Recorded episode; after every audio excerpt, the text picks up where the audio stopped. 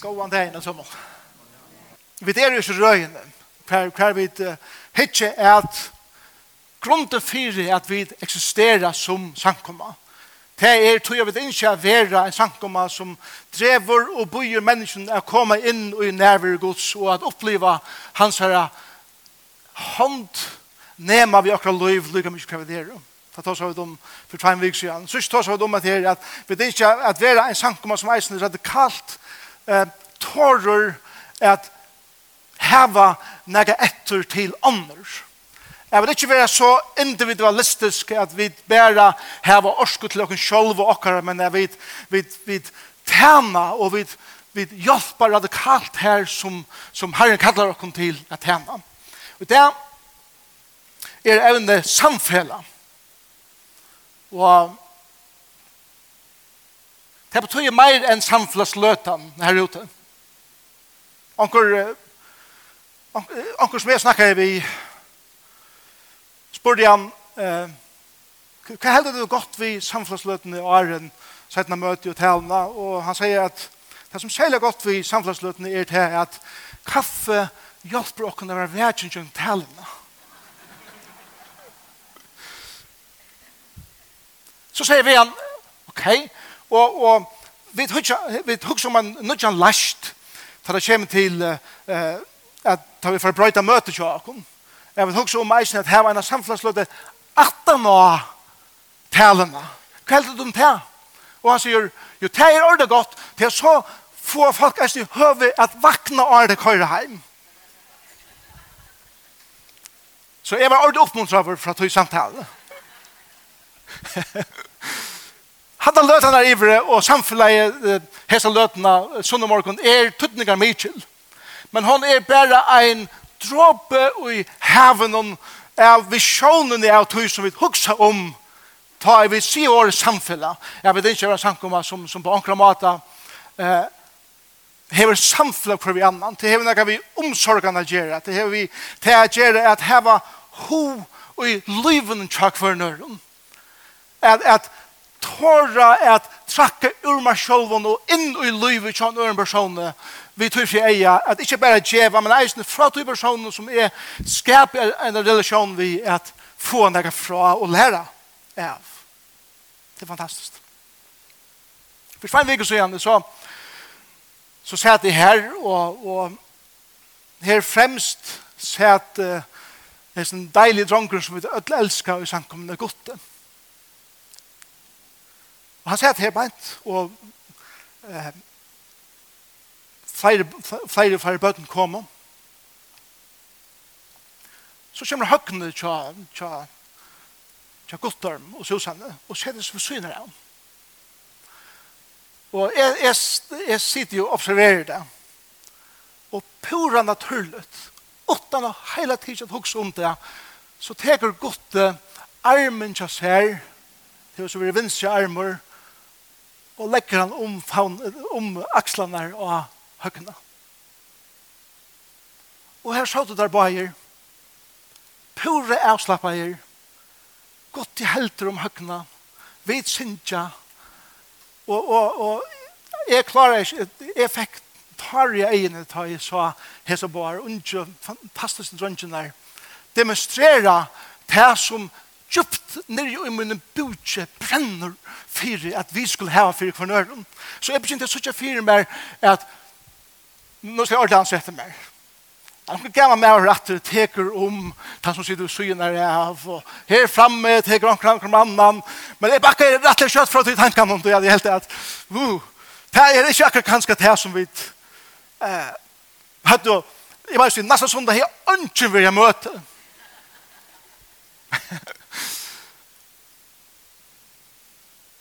men symbolst, så er det det som vi skulle gjøre. Det er være om hver annan. Og til, til at håra er være god i hver annan.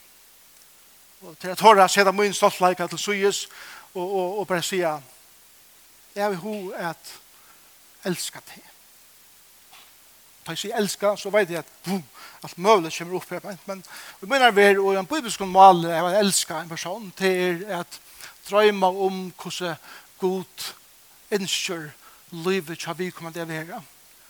Och att är hugg som är självan som ett av anbuden i hans liv för att realisera Guds drömmar för det här människan. Det är det som de betyder bibelst att elska för annan. Og tog jeg har jeg valgt et annet år enn en samfunnet. Jeg, jeg har valgt det jeg bare kallar talene sammen. Sammen. Det er vi er å sammen som samkomma. Det er vi er sammen som folk. Det er, om det er vi huksa sammen ut om samkommervekkene og hitje inn i okra samfunnet og sier hvordan kan jeg som personer være sammen vi og bygge relasjoner vi folk som ikke hava vi god, eller samkommet, eller nega gjerra, men vi kallar er til å elska den personen, og ta personen her, eisene. Så ber vi for øtlens bønner evnen som kommer inn, og skær meg i hjertet dagen jeg fikk etter her korset i av som er. Og nevnt eller og nevnt, Her er bare ett år da. Og her stender einsemme. Einsemme. Og realiteten er han. Jeg er kjalt om vi som sankum er innskja og vilja, alle tingene som vi tar seg om, så er verleisen han at vi fettler øyla ofte ute. Tid og tøy er vi skulle amene hver annan hata. Til tøy er at Bibelen er fotlo i sånn her at ikke løyva en øre menneske at komme her, at jeg kan si er ensammer. Så jeg det, du kan godt si til her i det, og jeg kan godt være en pastor av en storere fjöld, men føler meg pura ensam at land. Jeg kan eisne tåsa ved folk, og folk kan godt spyrje inn til min, men djupt nirri i bygden av mer føler jeg at jeg ensam tog jeg at i munnen løyve og i munnen relasjonen er på ankra måte kommet bort fra og er blitt pura ensam alder. Og jeg vet at nek som er i her det er sjolver vi føler det til tog. Det kommer ihåg som om en hending i nødgjødsement som, som er, er en, en fantastisk hending. Da jeg under er uh, teka uh, folk til Israel, vi, vi tverre til Israel, så er en som er eller så. Ta er et sted som vi vet, Bethesda-hilleren, som, som er et fantastisk sted jeg vet ikke. Og henda hendelsen i Johannes 5, gonger 4, så vi Bethesda-hilleren. Bethesda-hilleren uh, var, var et sted, var et fantastisk sted som i, i, i minnes om det var 1400 eller var det 1600 år la undergrive. Det er ikke så lenge siden arkeologer funnet Bethesda hilen natter. La meg lukke at jeg en mynd av hesten områden, Arne leser teksten, bare sånn at de kunne sitte der fire du kunne ta i lese teksten. Tempelpadleren i Jerusalem, som Herodes, den store bygde, vær, uh, og tempelet, vær et av de tjei omtrunnen og Heim døven. Folk streima av alla sanna fra fra suttje heter her åtroliga bygningsverset. Paddleren sjolver er, er meir enn 24 fotbollsvøtler i støtt. Så størst er et område. Og vi når endan av tempelpaddlenen. Kvart du hever dette veldige tempelet mitt i, og du gonger når etter, kjem du til dette her steget som er et betesta. Og det er Det var hilar, altså svimmehilar, det var bæ-systemet og alt det i, i sånne områdene. Så les at godstyrkarne som, som tilbå god i tempelen kunne eisne for her og rensa seg, så er. Men dette steget, Bethesda, bliver til et sted hver de sjuk og samlast. De spedølske, de lamne, de, de, de som på ankra måte bliver outsider det ble steg for deg. Ønsken kom her. Tilbjørende tempelen, tar for ikke når etter. Det her var oppe i hele å komme. Og så leser vi i Johannes kapittel 5, hese versene, fra vers 1. Etter hetta kom en høgt til jødene, og Jesus får ned til Jerusalem. Jerusalem Vi sier apostor, og det er bare norra for eh, tempelpattlen, og Jerusalem er healer, som av hebraisk kan heter Bethesda. Bethesda forresten mer nøye hus. Og hever fem solegonger. Og i teimen la mongt av sjukken, blind, lamen, visen. Så kommer en parentes, til er nå for en myta at vi har lysen, så, som boi av etter av vattnet skulle det årekvast. Tog av og å for angel nyer og i hilen at årek av vattnet. ta og i første for nyer i vattnet etter at det var årek var, var frysker. Hvor er sjuk var han så heie? Nå er her med vår og heie var sjuker i 38 vi år. 38 vi år. Da Jesus sa han litt her og visste at han langt heie li sjuker i lenge tog, sier han vi han, Vil du være friskur? Er ikke fantastisk spørninger jeg får? Resonere det i betydende hjertet. Hvis Jesus er spørsmål, vil du være frisk? Vil du være friskur? I 20 sverre jeg honom Jeg sjølvan! Nei, det er ikke det han sier. Her er her vi omgang som kan få meg ned i hilen, ta i vattnet ved årekva, og ta i komme for at annan nyr og undan mer. Jeg elsker hvordan Jesus reagerer på det. Han sier bare, reis til, takk sangtunna og gakk. Han tør ikke involvera seg i hans patsykvina som var kommet inn i systemet her på ent. Så det tar vi til like sjukker. Og tar jeg sier sjukker i det, så mener ikke vi bare fysiske sjukker. Nekve av okken her var li sjuk og lamen salalia og nekve er vi er til av brottnum bandome, ver til er saren som er gjørt i naken okra liv, ver til ein bask råd som tok råd i min liv for nekvann åren og i kanskje 20, 30, 40 år har vi ikke vilja fyrirgive, og er fullkomlige landmaver salalige og i min relasjoner vi mennesker i det. Nekve av okken er her. Og til, til slik som okken Jesus taler til, 38 år, vi tok seg 38 år, men hvordan er det tikkum? Her var kanskje vært bæsk i 38 år. Her var ikke vilja fyrirgive i 38 år. Her var ikke vilja komme forbi et svar som kom inn til liv i 38 år. Og til litt vi beteste hillen. Ja, det kommer her som, som tempelpaddelen var. Her folk dyrka og god, men salerlige bygva vid vi beteste hillen. Til vi det er sært. Og tar vi det sært, så, så, så, så røyner vi det alt møvelet. Og Patrik vil komme inn, og hette Patrik, Patrik, det er sindre imensk hos Bibelen der leser akkurat teksten her, men jeg halte at det er nok så typisk at Patrik vil komme inn i livet i som tog en gang. Vi er fotle Patrik, hvis du husker om det. Alt møvlet som, som er vratt, det lekte ut som vi gjør det, som er Patrik vil livet i kjøkken. Hette er at, ok, hvis du skal bare frisker, så, så blir egentlig en angel for å komme og nema med vattnet, så, boom, så kommer disse ringene ut, og han som tar er fyrsten i vattnet, Han fer blå fryskur og alt standa og bøya kvann det er til sin angelen fer å komme. Og ta i angelen fer å komme så fer jeg at få at her som er langest etter til i livet. Trobla ikke bare at han er angelen kommer omkant og og ta i vattnet røret så spyta öll i røret og sier vi Jesus at ta i, ta i det så hender så er angelen her fire. Kanskje som jeg tenker er her det og til halvt det at hvis jeg bare kan ikke noen jeg kan møte, eller hvis jeg bare gjør noen jeg ting, og jeg, jeg regner jeg gjør forskjellig, så for god jeg lønner meg for det. Og du skiller ikke hvor god jeg lønner deg for det, hvordan vel du skikker der, og hvordan trygg du er, og alle disse tingene som kommer i noen liv.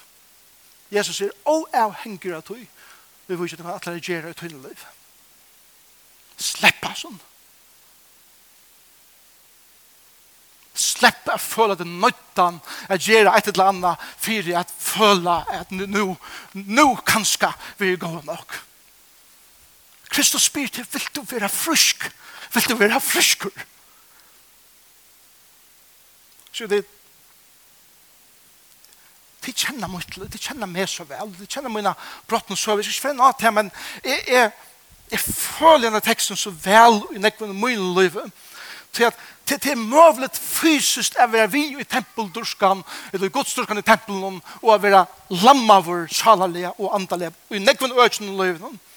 Og, og vi går til tega myter for at hvis ikke jeg hatt det, det røyne hit, og så, og så videre. Og til alt kommer til alt, så er ønsken her at hjelpe mer. Vi hører ofte til her. Det er også folk, ønsken vær her fire med. Og jeg, jeg gråter virkelig hvis det her passer. Etla. Hendet her er ta i feie en lamma i en anda og en lamma i sal. Jeg det bryr ikke ved ørenskyltene for min tilstand. Og jeg glemmer at jeg går apert for meg selv. Og ta i det så lett at jeg ved ørenskyltene for hver jeg er. Og jeg heldig som jeg var fattelen ut her, og jeg var fattelen ut her. Og mange var mer. Jeg hadde ikke tenkt å avbyrd for sin egen liv. Jeg vet at som kunne ikke, som jeg var en sikkert kunne ikke, til at han, han var så sjukker. Og han var, han var kommet her til at onkel måtte komme til, men her var ånden.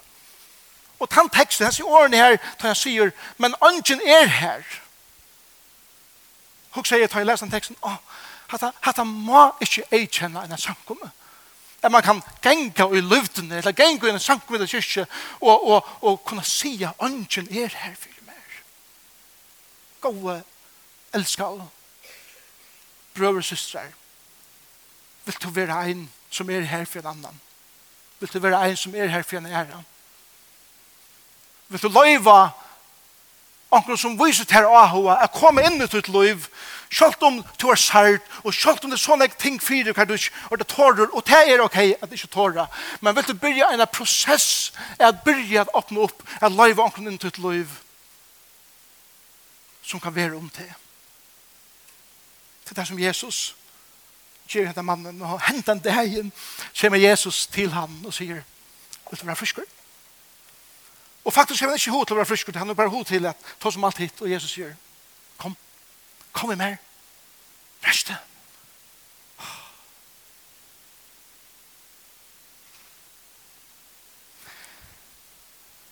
Men til bare møvlet sammen.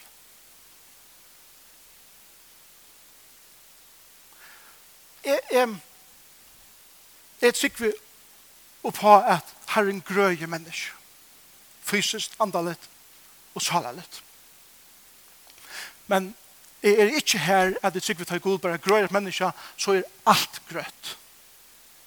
Jeg tykker at menneska skal i noen prosessene og ta tøyene som det teker er at bonast fra sånne svaren, eller hva det er som er løven.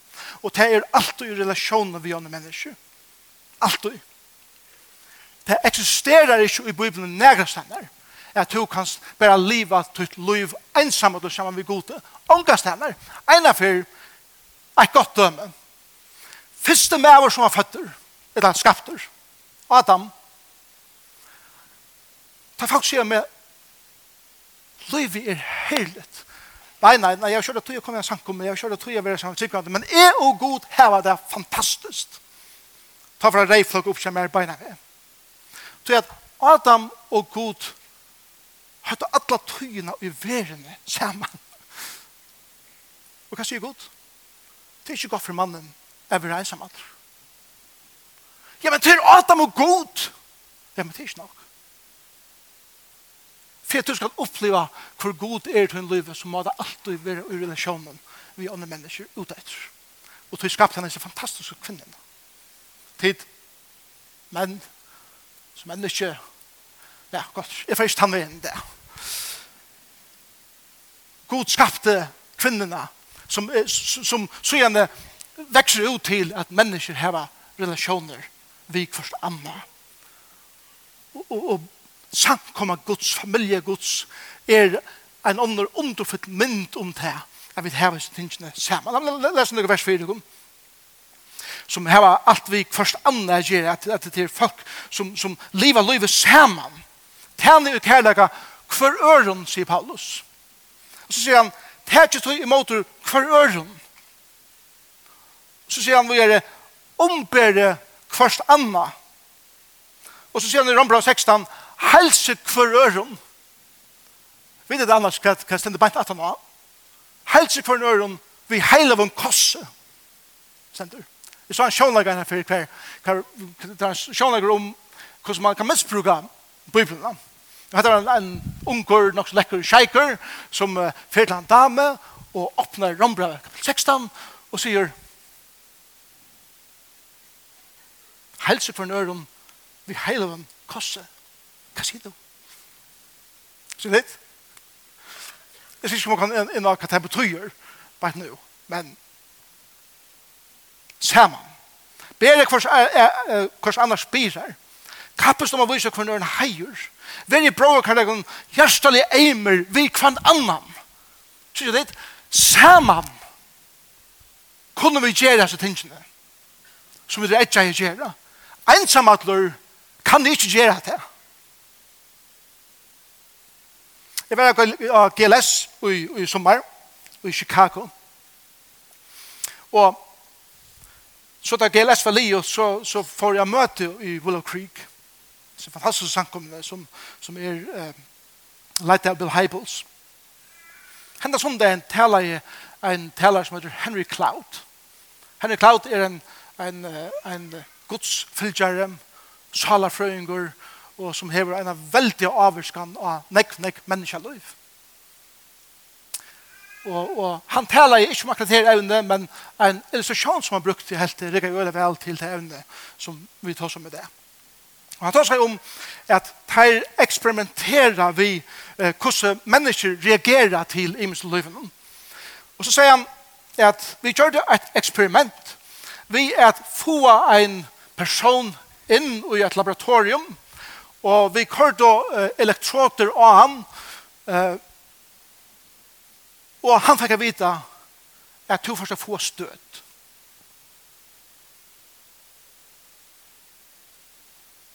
Jeg vet ikke om tid heller som med, da man fikk laknan, så, så, og hvis laknan skal tenke blåtrust, så fer blåtrust jo opp. Her er det til eisene. Jeg skal tenke blåtrust pum, pum, pum, pum, Og, og så kører lagt det her om, og, og jeg røyner, og det antall døys fra båten fra nyer, og jeg føler det, åh, det er nækka høgt, og så her. Det tror jeg at, ta jeg veit at et annet skal gjøre svimme, så fer blåtrykste og pulsen opp. Så som er en sider her, og, og hjertet benker, så knappe, bah! det har vært støtt, og jeg purer seg for opp og ristet så alt mulig, og så, Så bor jeg bare til neste fyr. Da er det. Og tar, alt det hever målt opp. Så kommer en person inn i det her eh, laboratorium, dette rommet som er sin person i. Og vi kommer vedkommende som sitter ved sin så han kjenner han ikke. Og det som er sånne her personer som kommer inn i rommet, gjør er det at han bare setter seg ved innom og helder i hånden av Og så sitter henne og bøyer. Og ferdig til støte. Men ta vurs til malerne, Til materne, at reaksjonen får ikke langere opp enn pulsen vi er ta i mer og komme inn. Hvor? Det er nok lever at andre mennesker kommer inn og har tidsi hånden av ham og han følte seg trygg. Hette er salalega kanna.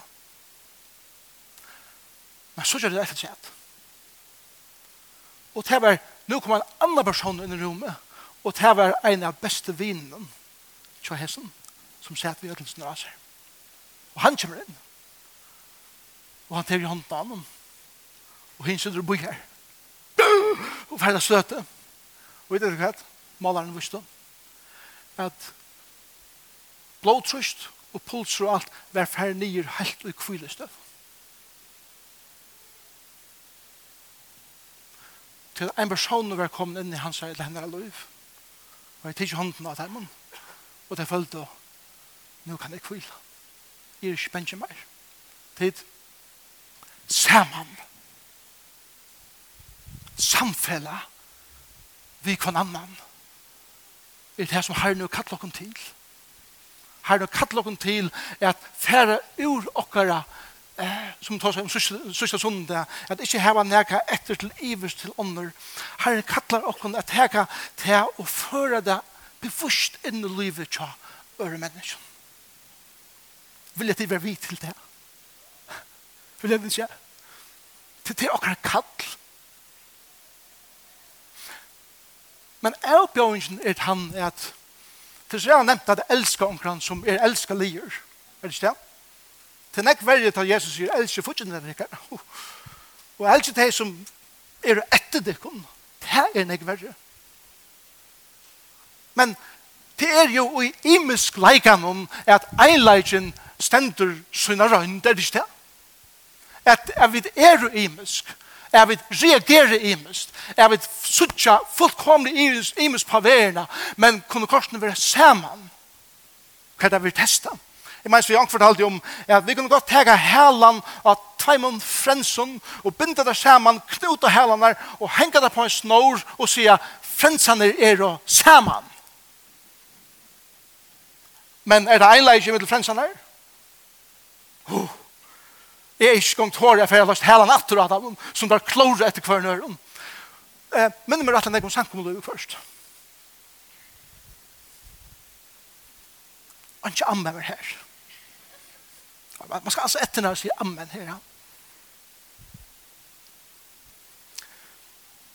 Visna menn vita og i de teleskapen som det her i det er at det er minst 100 millioner galakser i universum og som visenden utviklas vita der er vi for suttja nekv, nekv meir det er universet som god hever hongt saman og gjerne fullkomnen fullkomnen harmonie som honker saman i universen og god styrer etter denne her. Men vi vet at inni ui okkon er et nek større univers. Laknavisen sier, eh, det var imus tøl, så jeg vet ikke hva tøl skal teka, men da det kommer til celler og alt det imus tøl okkar likhammer, så er det iver halvfjers trilliarder inni ui okkar innare universen. Hver hver kikna og hver cella og hver bakteria skal køyra og i tempo og sama ved for at jeg kan være jeg. Og det er et under. Det er så kjøtt som også andre bevegelser som vi har av fyrre møten tar man rakter av sjuka. Da er det disharmonier i min innere universet som kommer å suttjast.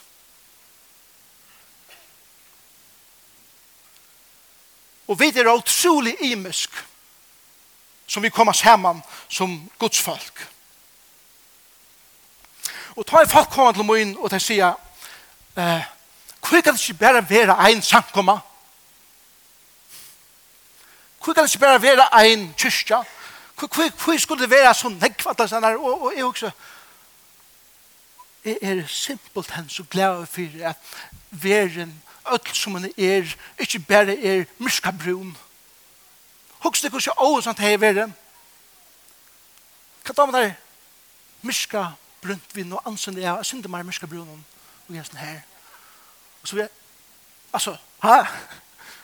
Å, interessant tillitener som, som, som skapar varietet og som, som gjør skapande verset og kreativiteten som god vil giv oss så av medelig og underfotland og han har gjort det samme med mennesker som er i merskabrun, som er i gul, som er i reis, som er i uiladen såra, som er i omladen uiladen på andre måter, som er reagera og som er agera på alle mulige måter i livet. og det er bare et, et, et, et prekk på at det er et univers som vi er livet i, som i imensleikene kommer at oppleva einleikene.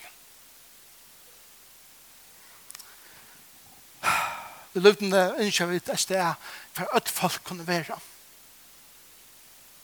Vi sier, og jeg er noen setningen, og i visjonssetningen, er vi ikke at her sted her, ødel de som er sorgabunden, nyebøkt, vognleis og frileis, kunne finne karlaga, glede, vogn og fri i Kristus. Kristus men vi er ikke mer enn det. Vi er ikke stek hver ødel. Kunne si at i hese samkomne har vi funnet det som vi kan kalla heima. Saman vi øren. Et sted her saman betyr ikke bare det som er tryggvande. Her saman betyr at öll de som er skapt og i bøylade gods, og de er öll mennesker, kunne si at her er et sted som jeg føler at armene som det åpner for meg, er kunne være en pastor av tog. Et sted kan jeg kunne si at jeg leiter og jeg søker og jeg røyner å finne et eller annet liv men selv om jeg ikke har funnet det, så er jeg velkommen her. Her Et sted som jeg drømmer om. Kan du ikke pjøres for å være lykke for å høre til? Et sted som jeg drømmer om at du ikke pjøres for å være samtor for å kunne høres Hva du mener? Et sted som jeg drømmer om at du ikke pjøs at trykva en gang for å føle deg velkomna her. Om du er en ateist, eller agnostikere, eller kvært enn du så erst, så vil jeg vite at anden inni her skal være at han er at du er hjertelig velkommen her. Jeg, jeg drømmer om et sted hver du ikke pjøs å være feilfri, for jeg vil elske. og alt de tingene som henger opp i okken og i okker livet. Og det er synden der som vi, vi først har ringt at, at steppe av i, eller det er omdømme som er kommet av okken grunn av okker søve, er orelevant fire til jeg blir en pastor over omfemter her måtte vi ødt finne til inn i okker liv, til det eneste som kan brøyde livet til noen øren, tikk vi er, og tikk vi som sankumma, er til at vi er en rødt og i øyemørsene, som tårer å si at Jesus Kristus elsker deg, og han kan brøyde ditt liv. Og hans det, Kan det ikke bare er godte, som teker om akslene og høkna, og tar kvila, men en og for okkara, ved det bøkstavelt eller symbolst kan teka om akslan og kunne sia saman. Skal du være velkommen her? Jesus sier til her i Johannes 13 for han kjøver karlaksboi Jesus sier så leis nytt bå kjøver jeg tikkum at de skulle elska hver annan. Som jeg har elsket tikkun, skulle eisne tid elska hver annan. Så det er at du her, hver annan, hver annan. Jeg og tog skulle alt sanna at tid er lærers for nærmøyner. Hva? Hva skulle det sanna? At tid heva karlæka til kvann annan. hadde Guds visjon for dere.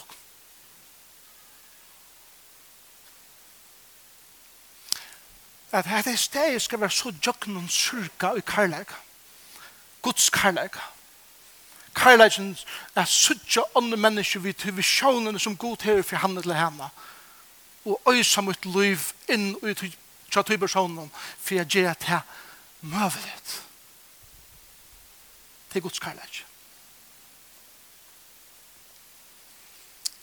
Hva du hever omkran som så ligger vi i Bethesda-hillen i det. Så jeg litt Kanskje du ligger her i det vi Bethesda-hillen og du føler brottene og det føles som ånden legger ut til. Jeg vil si at vi er som sankommer, og som folk, som, som ber av bøyla gods. At det pjøs ikke være ensam ødel. Vi vil ikke at anker skal kunne komme ved syner av her og si, jeg, jeg hører det, jeg føler hva du føler. Vi først så, så, så klarer vi ikke å hjelpe så nek, men bare til å være her, peika og han som kommer til okken og spyr vil du være frisk vil du være frisk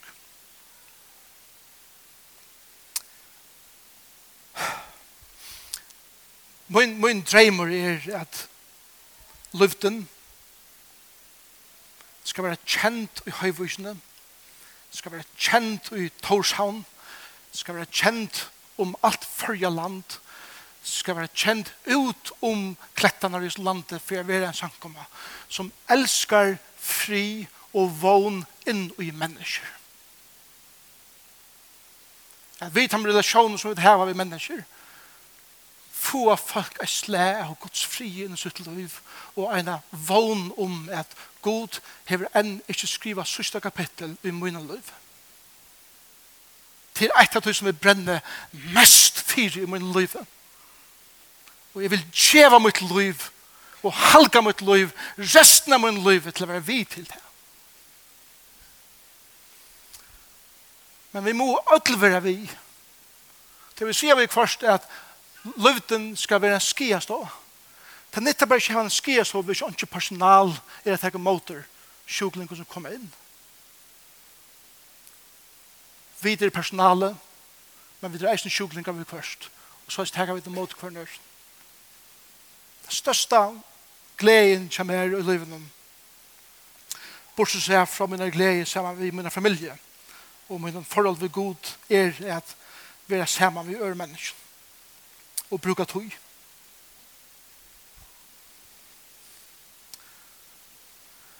Så det er ofte at jeg at i forhold til mennesker. Så, så, så er det så rett at anker sier det så at jeg tar to fevner et bråte skær, eller en brottna krukker som har en bråten skær i seg, så skjer at skær når vi først er natt. Og det var skåren sjølver. det var den. Men, men tar det var skåren, så blir det knappt at, åh, er det eisen jeg bråte skær. Og vi drar til bråten på nekka måter. Men at suttja hvordan god så i jøkken relasjoner blir jeg bytja nekka oppbater er så fantastisk. Og jeg har nekka sånne viner, som vi kallar det viner, og i det som jeg prøver å leke med å bruke tøy sammen med. En av mine gode viner er Jakob og Lætjene. Han sier det her i det. Jeg spurte Jakob om jeg kunne slippe å si det her. Jeg sier vi under morgen, eh, kan jeg heller kan bruke det dømme med Jakob? Jakob? Og hun sier at du gjør det ikke uten du spørs den først. Ok.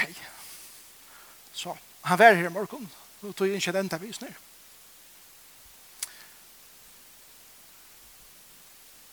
Jeg og Jakob har haft et et godt forhold i mer enn tve år nå. Og Jakob har vært, ja, Jakob er en fantastisk person. Unnskyld Jakob, at det er råst der, Jakob er en fantastisk person som, som er en djupt huksande unge maver. Han hever en fenomenala filosofiskan hatt. som han seder åra ting som, som jeg opplever at fa ånder seder åra det. Han spyr og tar å spyrja djupa spurningar om god. Han tar å spyrja bibelna, tar tro på spurningarna vi hva han sier. Og han tårer å si at jeg vet ikke om jeg vil ha nægge vi at her er gjerne. Jeg, vet ikke om jeg vil gange en forholdsvis vi han slik god. Jeg har blod faktisk om samkommende. Og han er ikke bensin for at vittna at det var et eller annet som fikk meg bort fra eisene. Så møtte jeg Jakob. Og vi uh, begynte å ta oss sammen. Og det som vi vil sier i snir, til det her, det fyrstene, så hugsa jeg, hvordan kan jeg være vid til å hjelpe Jakob å komme opp av føtter alt? Men for ikke etter det, så kunne be jeg Jakob sige, det er fantastisk det, så ikke hvordan god til å finne åkken boer. Ikke på føtter alt, men alltid. Helt det er kurser ikke kom på føtter, at sen, altså. Men jeg synes det var knøyende kurser. Jeg var last med utrolig enn jeg tjøkken som tve årene. Han last med at det ikke var så snæver skipten som jeg er. Han har lært meg ikke bare ganga ved klaffen for egene og så bare sutja et slag av folk. Han, han har lært meg og han har nøyt meg at godtega og elska andre folk som halda beint i måte til som er alt. Og han har strekt mine mater å hukse på. Han har, han har hjulpet meg at jeg sørger et nek større perspektiv av hvor god eisen er mot hos mennesken. Til han hanker jo ut vi, vi øren typen er hent jo ut sammen vi. Og til han forteller meg om færre relasjoner så hukser jeg, ja, åh, åh, det er godt er god, ikke bare et verska vi tar med relasjonen, vi tar slag faktisk som jeg kan som mest vi har gjør, men eisen tar faktisk som jeg omgang kan så komme jeg kjenne ordentlig, men her er jo god syne folk som har et åbjerg hjerte at gjerne arbeid, og det hever det hever brustet mine karmer. Men hvis jeg ikke huksa saman og samfella og relasjoner så har jeg ikke vært den personen som er i det. Jakob rett dømme, jeg har nekvar ære gåere, djupa relasjoner, hver det samme hender, hvordan god åpner med. For jeg blir mer lykken, god. Vil du ikke komme vi oss alene her? Jeg vet ikke hva jeg skal enda seg til henne. Jeg, jeg har lært alle mine år som taler i at det er også man har taler som, som en flikkværer som fyr lekkerst av flå og til underhelde dem om og så er lendingen ordentlig god. Jeg har krasjland her, sånn det er det. Tror jeg at det er så rævlig å gå inn som hun ble vi, men klokken er ferdig av. Og jeg har bare engst at de føler mitt hjerte Men Jesus stender framme for terbat nå, og han sier, er jeg eisende kommet til tøyen og spyrer til, vil du være frusk, vil du være frusk? Jesus er djupt ahover og i tær. Han kom til gjerrar for å være sammen i tær. Og måtte to oppleve at her er det at Sjøkken du røyner, som vi ser med over i Bethesda-hilden, røynte at, at, at ikke å øre skyldene, og at han tar det ikke, og sier at Jesus er, sier bare, reis den, kom og tenk vi mer. Så blir det en prosess sammen, som kan reise til, til ta mannen, eller ta kvinna, som god drømmer om at du skal være. Så blir jeg sammen. Takk Jesus for at året samfella og disse imenske årene vi hittar så grunn til noe i det mengan her først og fremst er sjolver og vi er her om at vi skulle være en sankumma som ble kjent for at vi er sånn åpne armeren for lyga mykje hver det er til at først et menneske er skapt ut i en bylat du har sett fingra meg ikke av deg. Vi ber for hånden og henne som i det. Kanskje ikke 38 år, kanskje anker mer enn det, kanskje anker bare noe få år. Jeg vil li lammen av enen til øren ut her i livet som kommer inn. Og jeg tror i det vil byrja at tale inn til liv og at jeg byrja høyre til en rødt som sier vil du være frysk? vil du være fryskur. Og at du teker deg en affær som er med her. En affær hva vi ødel sammen færa sammen med her. Så la oss at det ikke være som i Jerusalem at hun døven Jesus ta og i alt dette livet gikk fyrir seg i tempelen men her oppe her norr vi beteste hillen kom ønsken til her var det i borstuglemte det som heter skam det som var bråten. Jeg bidde meg til fra en av betestehilen vi vi tunne kyrkje og tunne sankomme så vi da kunne være eit.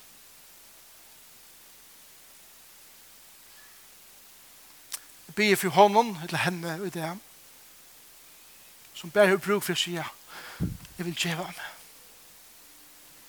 Jeg bidde for hånden eller henne i det som enn ikke kjenner til som, som personlig frelsere. Jeg tror vel bare vise heimen og jøkken til som er kommet fram i det, og til som de opplever av det her. Jeg tror elsker deg. Og her er en visjon for terra livet som du ønsker at jeg skal sakken nå, at livet. Ikke alltid nevnt, vi kvarst kvart øyelig harst, men alltid godt ära över sitt navn. Amen. Amen.